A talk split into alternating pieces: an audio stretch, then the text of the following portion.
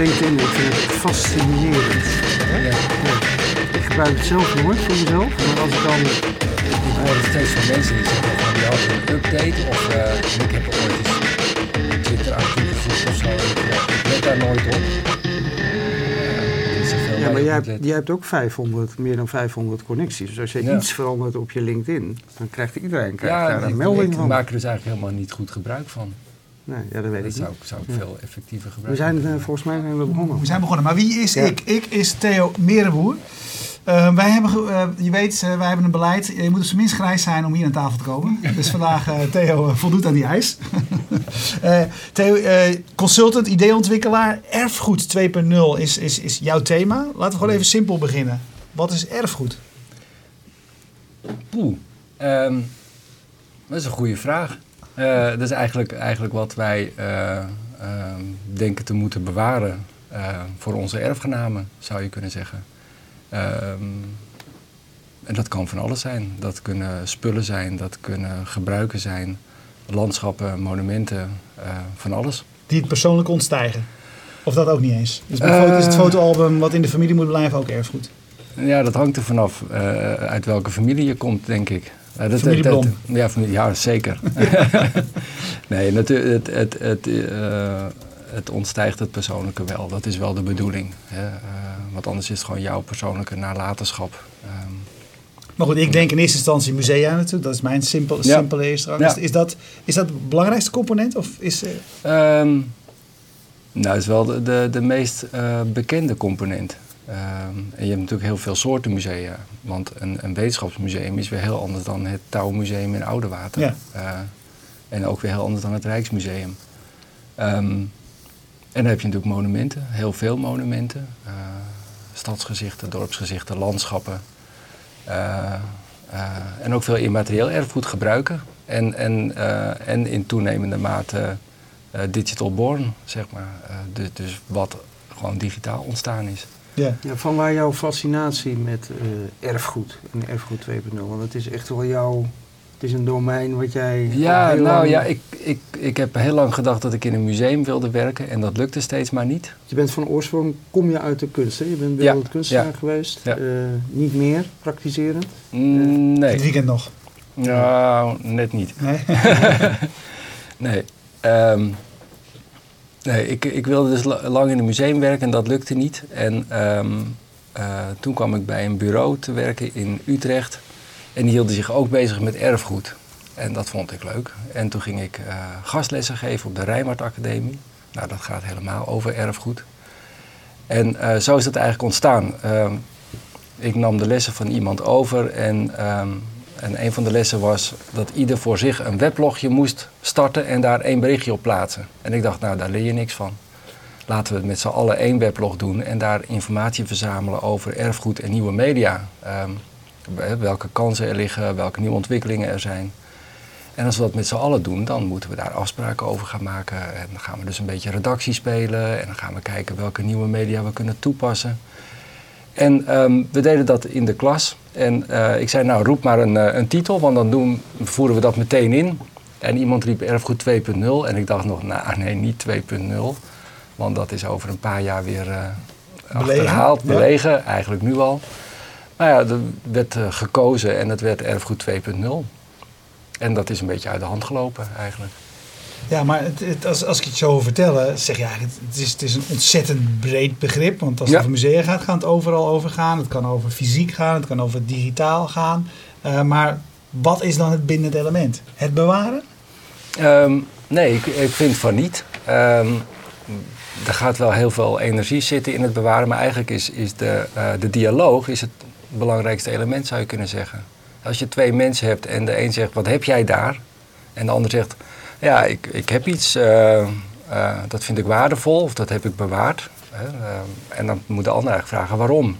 En het gesprek wat dan komt, dat is eigenlijk waar erfgoed over gaat. Ja, maar ehm, in, in jouw beleving, maar als mensen naar een museum gaan... Dan is dat heel wat anders. Dan is het heel wat anders bijvoorbeeld. Ja. Ligt, jouw, ligt jouw interesse in, dus in dat, in dat gesprek en minder in het museum? Of zeg jij, museum is ook het startpunt van het gesprek? Um, ik zie een museum eigenlijk als een, uh, als een ontmoetingsplek. een hele goede ontmoetingsplek om het over dat erfgoed te hebben. Eh, en dat kan ook een plek zijn om, eh, om naar kunst te kijken of, ehm, of een concert te beleven of wat dan ook. Ehm, maar het is wel een hele goede ontmoetingsplek. Ehm, om met dat erfgoed in contact te komen, om met elkaar in contact te komen. En ik, ik vind uh, bijvoorbeeld uh, Tate Modern in, in Londen vind ik een heel goed voorbeeld. Dat is ook echt een ontmoetingsplek. Mensen komen, spreken daar af, uh, um, ontmoeten elkaar daar en ja, misschien pikken ze ook nog wat kunst mee. Maar in feite is dat ja, bijna de entourage, zou je ja. zeggen. Hey, de, de, um, we leven in de tijd van overvloed in de zin van het bewaren hè, van alle digitale mm -hmm. spullen makkelijker is geworden. Uh, dus je, je, kan er theoretisch zeg maar altijd bij. Vinden is nog steeds, nog steeds mm -hmm. heel moeilijk. Um, als ik het eventjes tot musea beperk. Uh, musea hebben ook hele grote collecties, maar eigenlijk de mm -hmm. kracht zou je kunnen zeggen, het kenmerk van een museum is eigenlijk een klein deel daarvan laten zien en van context voorzien, et cetera, en misschien wisselen. Um, um, waar zit, zeg maar, dan de, waar zit de overeenkomst met dat 2.0 element? Wat is de overeenkomst tussen een museum bijvoorbeeld en, mm. en, en, de wereld waarin we online verkeren? Of waar zit het spanningsveld? Want de kracht van een museum is de selectie. De kracht van internet vind ik eigenlijk de veelheid. Hmm. Um, maar je had het over context. Uh, dat je een selectie maakt en die in een context plaatst. En ik denk dat, dat, uh, dat daar de match zit met, uh, met met het web en 2.0. Uh, omdat wij met z'n allen in, in alle netwerken waar wij zitten en met alle metadata die wij toevoegen, uh, al die zaken van context voorzien. En telkens wisselende context. En waar je in een museum misschien een, een pas op de plaats maakt. Maar zeg je dan de traditionele context die eigenlijk, we blijven nu even in een museum hoor, geboden wordt door iemand die zo'n expositie samenstelt. Mm -hmm. En die zegt van oké, okay, dit is de context waarbinnen ik dat doe. Jij zegt eigenlijk op het internet is die context, die kan door iedereen geboden worden. Ja. Dat, dat is, komt uit de crowd. Ja. Uh, dat zet het hele model uh, van het cultureel erfgoed, zoals je dat noemt, eigenlijk mm. op zijn kop. Ja, Want klopt. alles is anytime beschikbaar en iedereen bepaalt zijn eigen context. Ja, ja en nee. Maar ik, wat, ik, doet dat, wat doet dat nou, je in jouw je visie met de beleving van kunst? Want ik heb, als, als, als ik het even gechargeerd bekijk, mm. denk ik toch wel dat bijvoorbeeld het, juist het aanbieden van exposities, het, de, de, de kleinheid van wat een museum doet, mm -hmm. heeft ook wel heel veel appeal. Ja. ja. Hoe gaat dat in het digitale tijdperk werken? Um, ja, hoe zou ik dat nou eens uh, uh, ja, probeer het eens. Goed, goed, goed samenvatten. uh, We hebben de tijd. ja. nou, ik denk, ik denk wat in een museum gebeurt, dat heeft, precies zoals je zegt, dat heeft een appeal. Hè, als ze het goed doen, kan je een fantastische expositie zien of een fantastische uitstalling. Of een, hè, als ze het goed doen, vertellen ze een, een verhaal op een hele goede manier. Ehm, dat is prachtig, maar dat sluit niet uit Um, dat mensen daar op hun eigen tijd en hun uh, eigen gelegenheid uh, daar zelf ook mee aan de slag gaan en daar uh, verder over praten. Um, je, wat je wel ziet is dat steeds meer musea proberen om dat te integreren in hun beleid. En de ene is daar veel beter al ingeslaagd dan de ander. Geef eens een voorbeeld. wie, als je um, kijkt naar geslaagde integraties van die nieuwe digitale mogelijkheden in je beleid. Um, nou, we zijn over het algemeen in Nederland vrij ver daarin. Um, dus de, de, de meeste bekende Nederlandse musea zijn er al redelijk goed in. Uh, maar ja, goed, uh, het Rijks is daar altijd wel een voorbeeld in geweest. Ja, we hebben straks hierna, voor wie live kijkt, ja. het Rijksmuseum. Ja, nou ja, de, de, Rijks, uh, de Rijks kwam op een gegeven moment met de Rijkswidget. Nou, dat was, uh, dat was al helemaal nieuw. Hè, dat je uh, zelf op jouw op je, site, zeg maar. Op, ja, ja, op jouw site, op jouw desktop iets kon bekijken. Dat, dat was hartstikke nieuw. Um, als je gaat naar een internationale conferentie als Museums en de Web... dan zijn er ontzettend veel Nederlanders die daar iets komen vertellen. Um, omdat we zo ver zijn eigenlijk. En dat, uh, dat geldt voor heel veel musea. Ja. Misschien, misschien iets concreter. Ik, ik las ergens een stuk tekst op een van je, je, je websites. Dat, uh, het is ook een thema wat we hier aan tafel natuurlijk vaak behandelen. Hè? Wat ja. is de impact van de digitalisering? Uh, jij zegt digitaliseren van collecties en gebruik maken van sociale media brengen nieuwe vraagstukken met zich mee op het gebied van communicatie, publiek en participatie, businessmodellen, tentoonstellen, marketing, conservering. Kortom, het heeft impact op de hele organisatie. Ja. Eh, kun je dat voor mij eens concreet maken met een voorbeeld van een van de projecten die jij de afgelopen tijd begeleid hebt? Wat, wat is dan die impact van die digitalisering op zo'n organisatie? Ehm, waar, waar voorheen eh, een tentoonstellingsmaker eh, een tentoonstelling ging maken, eh, met een conservator en met de kennis van die collectie, ehm, zie je dat ze nu veel meer met marketing bezig moeten zijn. Mhm. Want het publiek wil zich er mee- meer mee bemoeien. Eh, als je er iets op je website mee doet en met sociale media. ehm, eh, al- als je een conversation manager hebt, dan is die daar ook al mee bezig. Ehm, het is niet verstandig om dat als twee losse entiteiten naast elkaar te laten bestaan. Dan zou je eigenlijk een hele rare ehm, spagaat verkeren. Eh, dat is één kant van de zaak. Aan de andere kant eh, is dat we wel heel veel aan het digitaliseren zijn, maar dat kost een vermogen. En eh, dat betekent dat je daar op een gegeven moment ook verdienmodellen voor moet gaan ontwikkelen. Anders kan je die digitalisering helemaal niet meer bekostigen. Ehm, eh, en, en met die sociale media ga je ook krijgen dat. nou, we hadden het net even over LinkedIn. Ehm, als jij talent wil werven voor jouw organisatie, dan kijk je ook op LinkedIn en dan kijk je ook wat zij op sociale media doen. Ehm, en wat zij eh, dan van dat erfgoed vinden of van de museale praktijk. Eh, dus dat, er is veel meer vervlechting op dat, eh, op dat gebied. Ehm, nou, als je dan een concreet. eh, ehm, ja, maar het is altijd lastig om meteen een concreet voorbeeld te hebben. vind Als die ik. zo meteen langskomt, is, Ja. is, is, het, eh, Ja.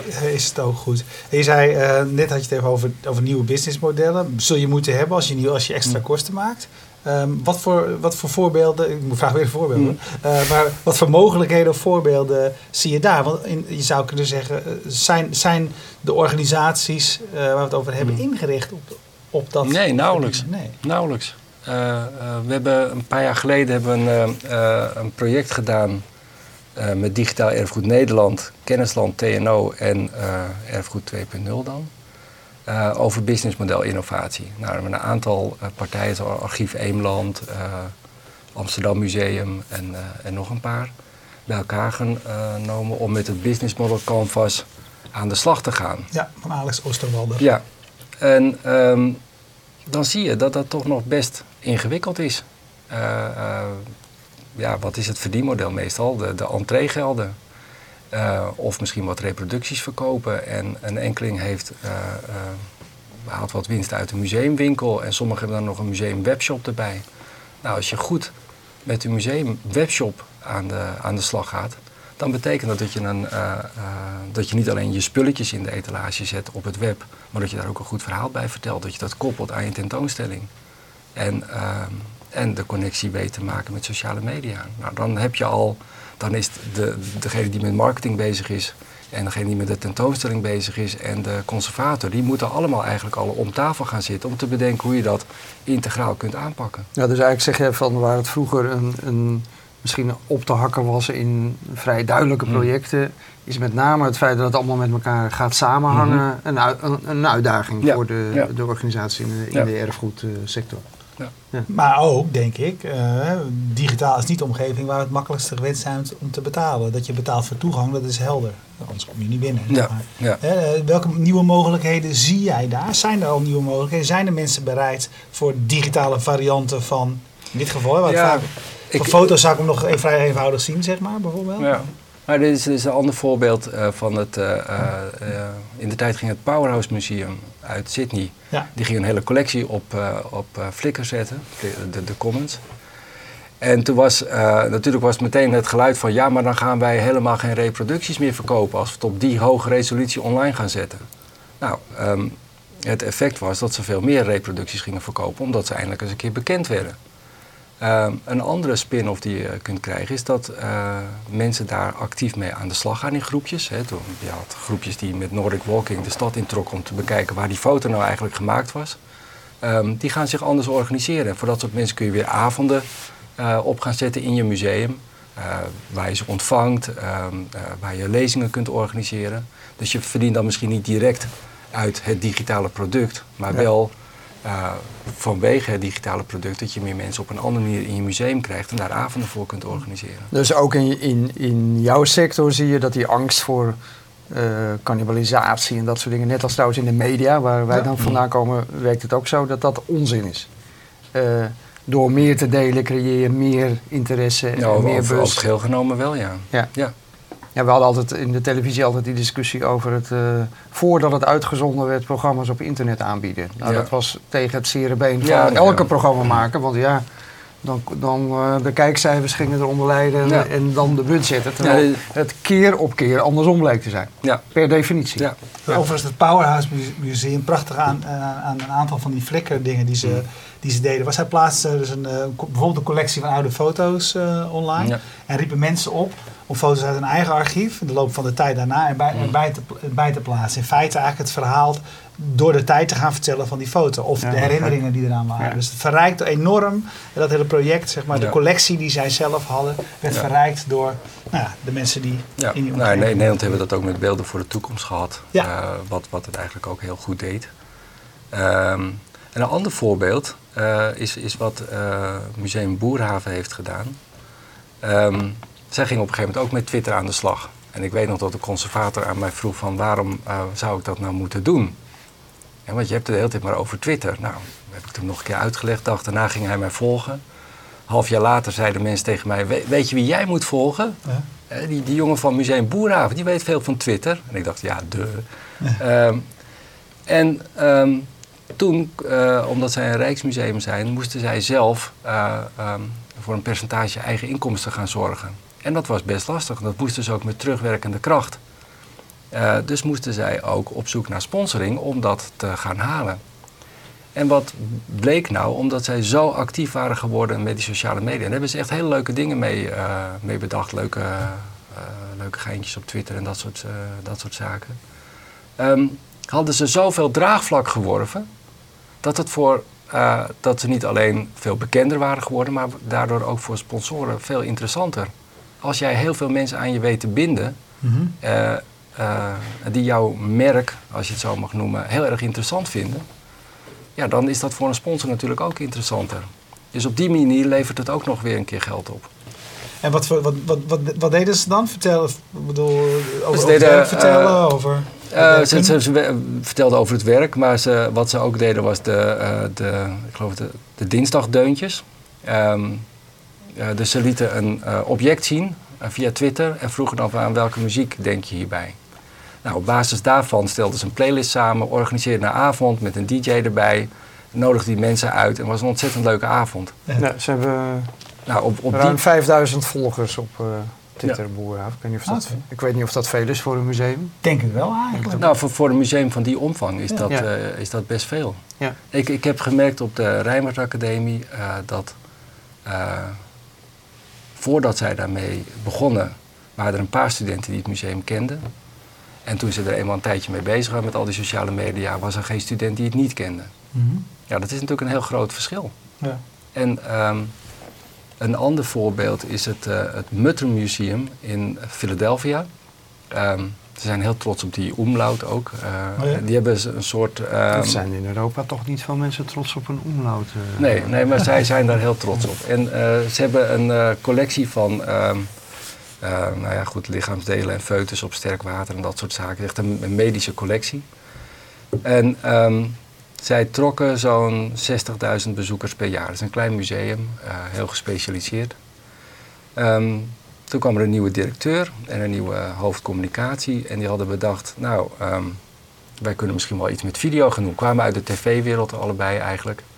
En die dachten, nou ja, wat hebben we nodig voor een beetje een studio? Dus voor minder dan 10.000 dollar hadden zij dat allemaal klaar. En ook nog apparatuur om een beetje video te bewerken.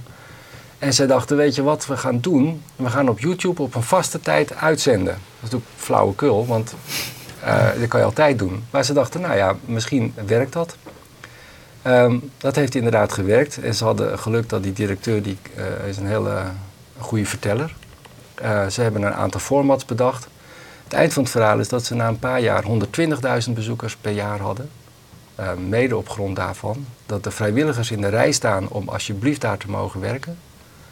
dat BBC en Discovery Channel bij ze op de stoep kwamen om te vragen of ze hun format mochten overnemen.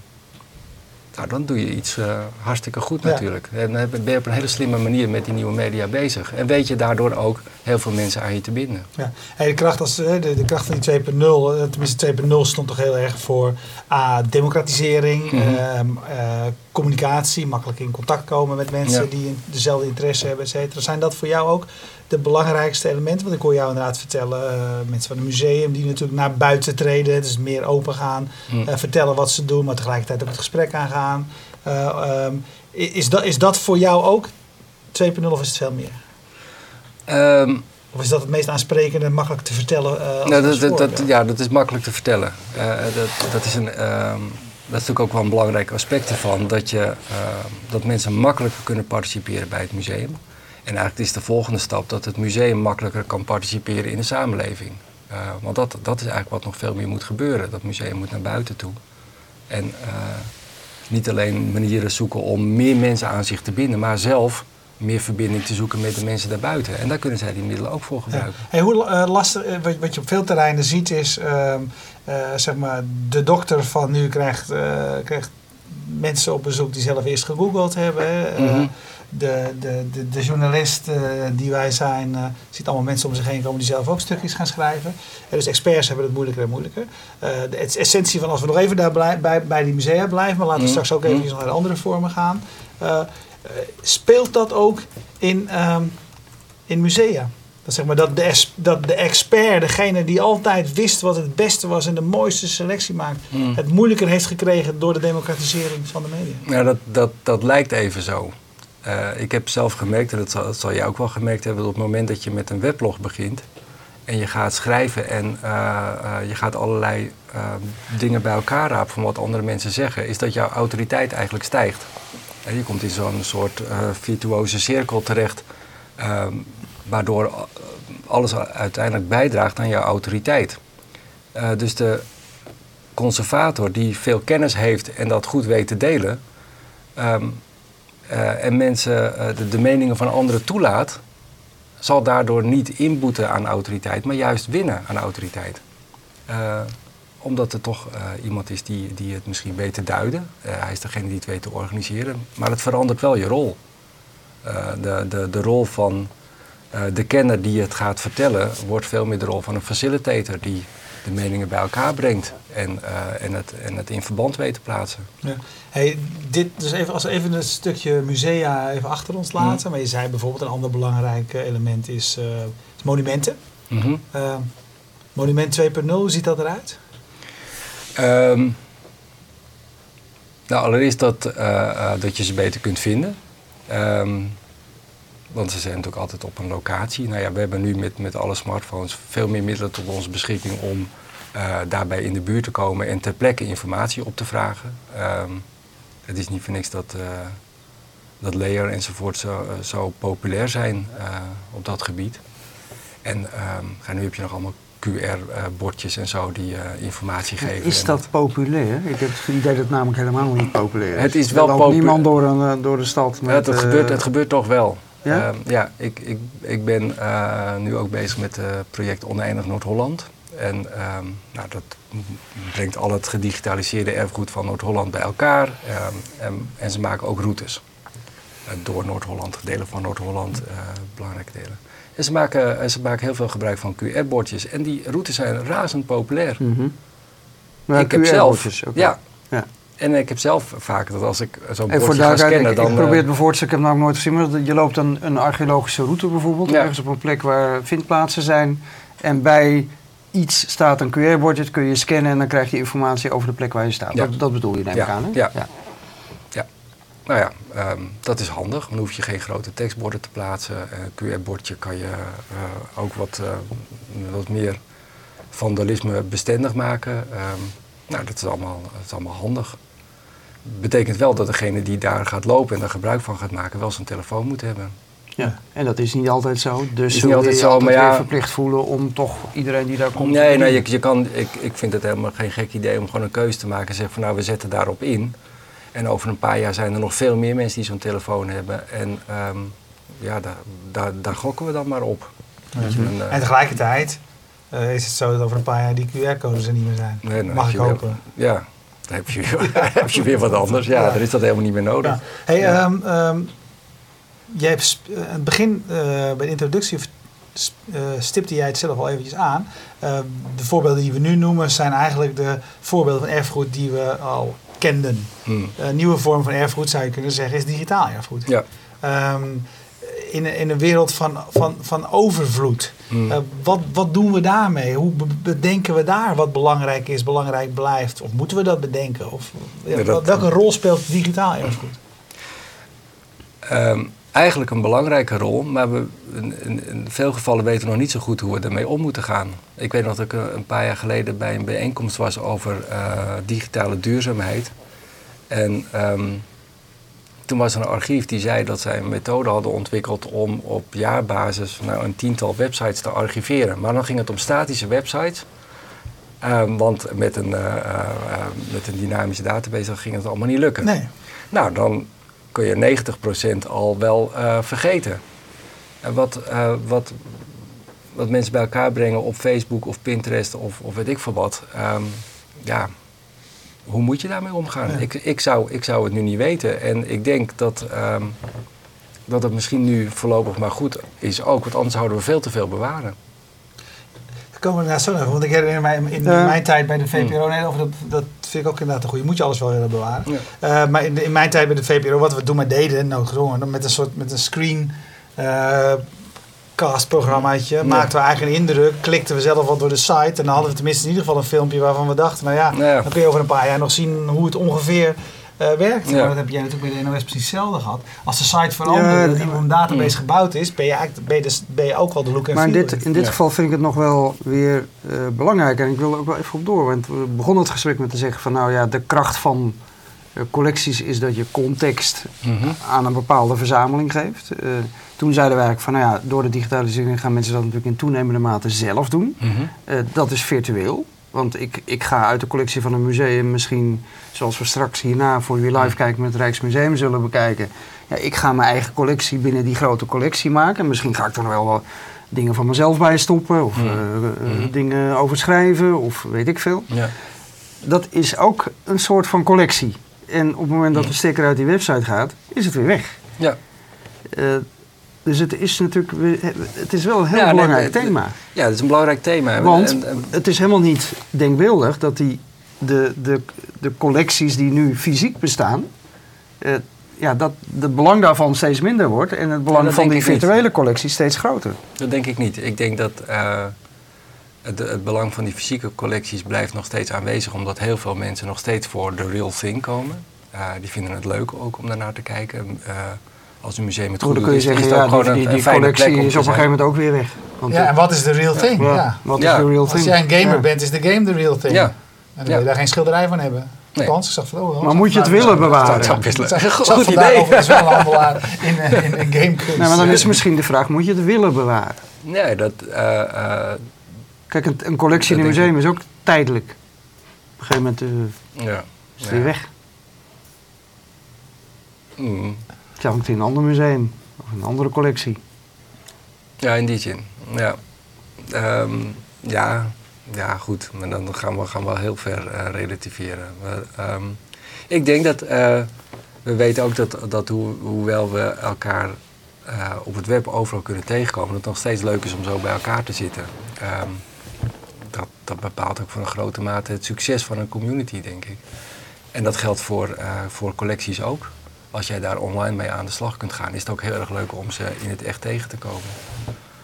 Ja, maar ik Ehm, denk wel dat het startpunt, dat, dat, dat de collecties die zoals wij ze kennen, die zijn gebaseerd op het fysieke. Ja. Als steeds meer dingen zich, Ja. eh, bedoel, als er straks, als er straks geen, eh, geen platen meer gemaakt worden, zeg maar, dan is dus muziek niet, dan een bandje blijft bestaan, want dat Ja. is de originele, eh, de originele vorm. Maar de nieuwe dingen die hierbij komen, zoals virtueel gamen, et cetera, Mm. ik denk niet dat je daar een, een fysieke variant bij gaat bedenken.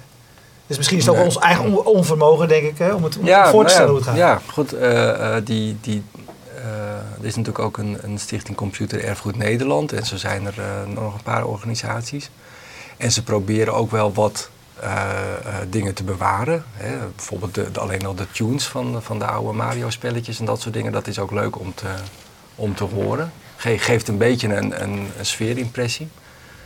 Ehm, maar er wordt natuurlijk zo ontzaglijk veel gemaakt. Dat kunnen we, dat kunnen we onmogelijk allemaal bewaren. Dus we zullen, uh, denk ik, ehm, ja, uh, ik, ik weet het niet goed. Maar ik denk dat het erop neerkomt dat we toch een beetje uh, steekproefsgewijs wat dingen gaan uiteindelijk We hebben Stichting Beeld en Geluid. Ik heb het ook al toen al jaren Mm. geleden een aantal keer meegesproken. Die is opgericht zo definiëren ze het Hmm. zelf inmiddels nu natuurlijk. Omdat ze, radio en televisie kan je nog uh, kanalen kan je nog opnemen, zeg Ja. maar. En op een bandje zetten, op een harde schijf opslaan, et cetera. Maar ja, de echte collectie uh, video is natuurlijk online aan het, Mm. uh, aan het ontstaan. Dus een organisatie die op is gericht om eigenlijk te bewaren en te ontsluiten van wat we allemaal aan audiovisuele producties Mm. in Nederland maken. Uh, wat mij betreft sluit zijn ogen, althans voor zover ik weet. Als, als iemand weet dat ze Mm. dat wel aan het doen zijn, dan hoor ik het graag. En waarvoor dat eigenlijk de grootste collectie uh, van het materiaal staat op YouTube. YouTube is eigenlijk, wat mij betreft, nu een belangrijkere bewaarder. En misschien niet belangrijkere ontsluiter. Je zou kunnen zeggen, beeld en geluid moet Ja. dan daar weer een filter op laten zien van hè, wat, wat, wat belangrijke trends zijn misschien. Of wat bijzondere voorbeelden zijn Ja, van eh, een bepaalde kanalen uitingen. kunnen, Ja, kunnen openen. kanalen en, kunnen ja, openen. ja. Nou ja, misschien is er, is er zelfs wel een, uh, een analogie met, met kunstmusea, waar, waar je uh, een, eigenlijk een selectie ziet van de beeldende kunst over een bepaalde periode, die we dan waarderen, die we inmiddels ook uh, gewaardeerd hebben. Maar alles wat er verder ontstaat, met al, ook alle digitale toepassingen om. Er worden volgens mij elke dag waanzinnig veel prachtige schilderijtjes gemaakt, digitaal en weer weggegooid. Of misschien als een screenshotje bewaard. Uh, daar, daar, daar doen die kunstmusea ook nog heel weinig mee. Ja. Ja, ik krijg van uh, Fred van Rijswijk iets door, uh, die zegt uh, op Twitter, die zegt dit is, ik weet niet of je hem kent, dit is wel 2.0 en stuurt me Muzai, de app. Hmm. Um, misschien kun je het laten zien, Peter. Um, Hmm.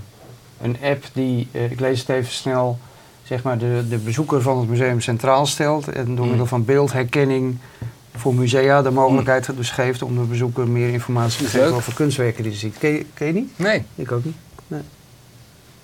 Nou, dat is, de, dat is een mooie winst. ja. Leuk.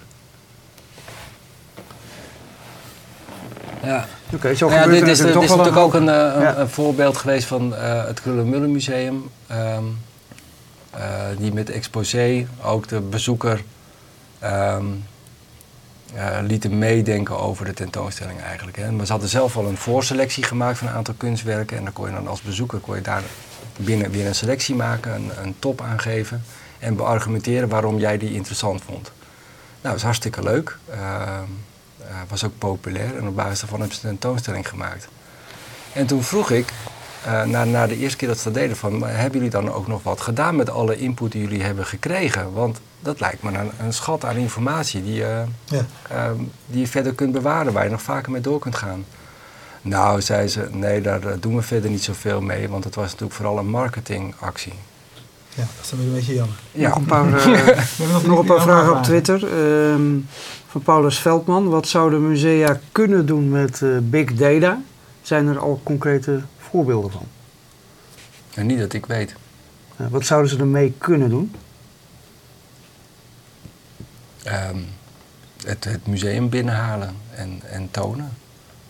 Ik zou het wel, wat, wat we nu hier eigenlijk doen, dat, uh, dat mensen op Twitter kunnen meeluisteren en kunnen reageren.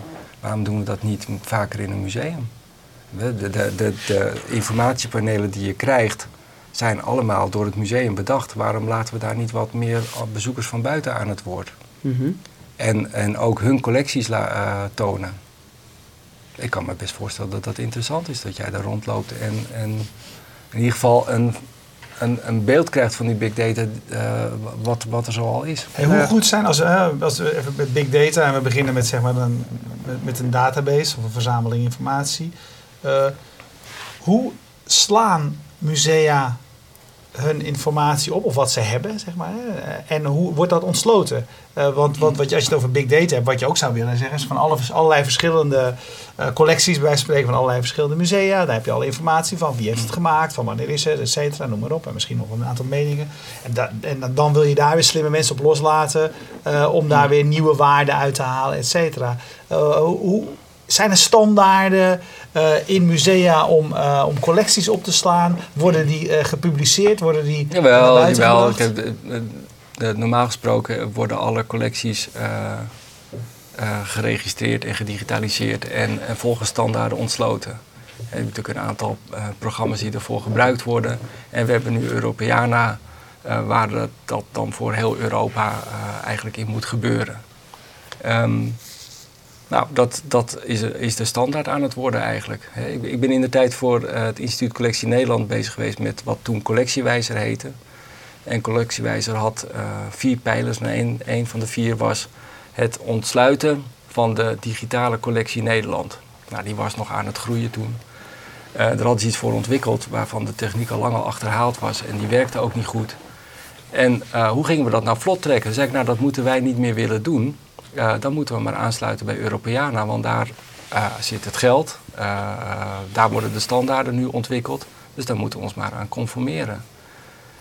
Het lastige van Europeana vind ik dat het, um, dat het eigenlijk nog heel erg 1.0 is. Het is heel erg aanbodgericht. Wij bedenken dat dit interessant is, dus wij gaan dat allemaal vergaren en we gaan dat aan jou aanbieden.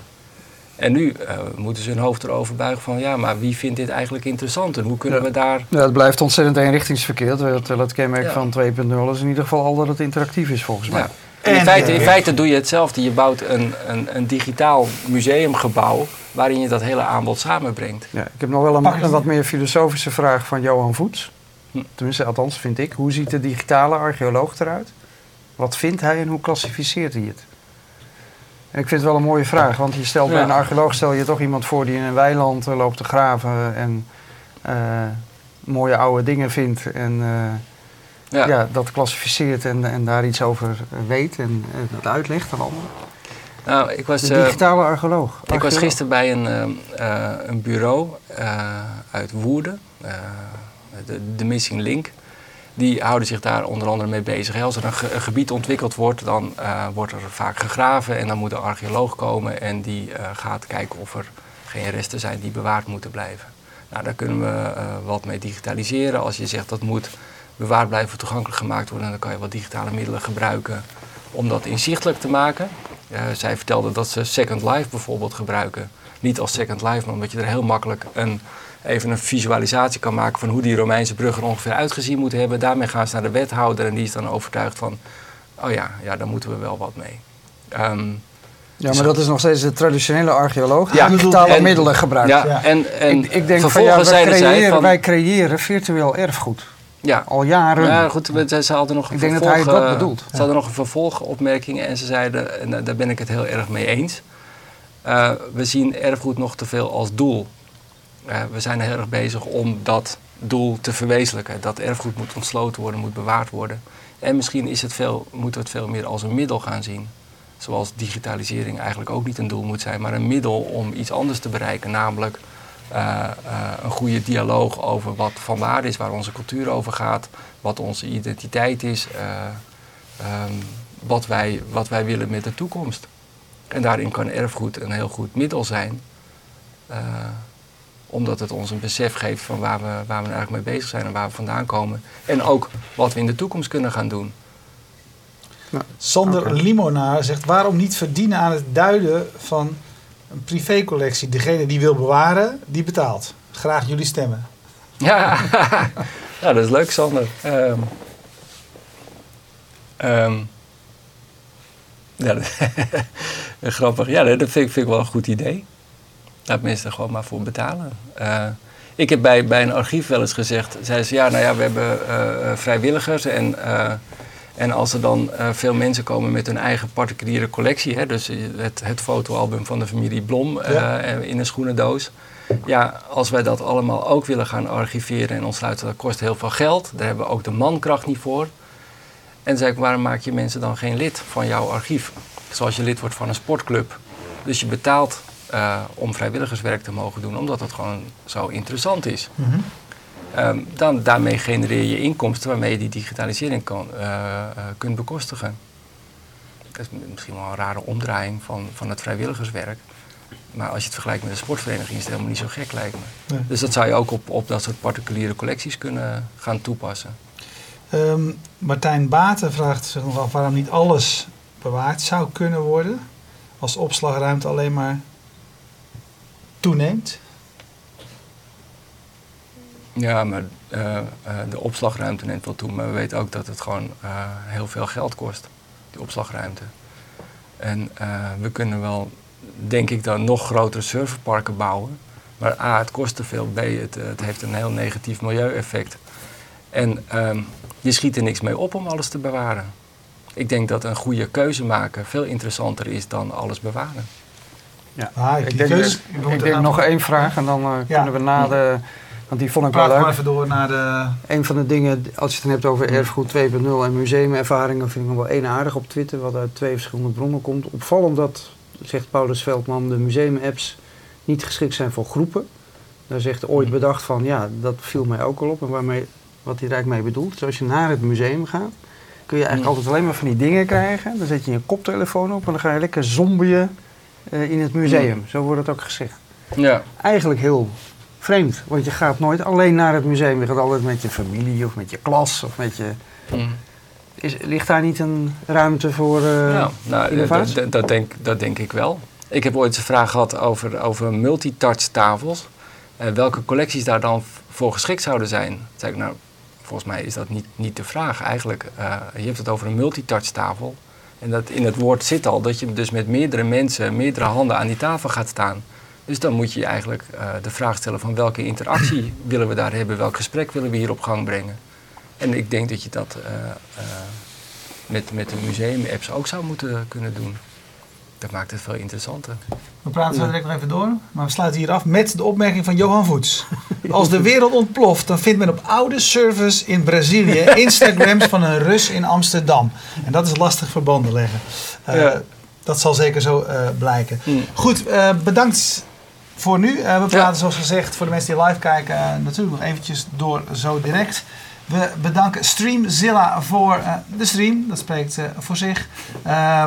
Ehm, ja, een mooie naam, vind je? Maar anders voor. Ja, voor Zilla. Dat had, ook nog, dat had ook nog gekund. Maar in dit geval voor de stream.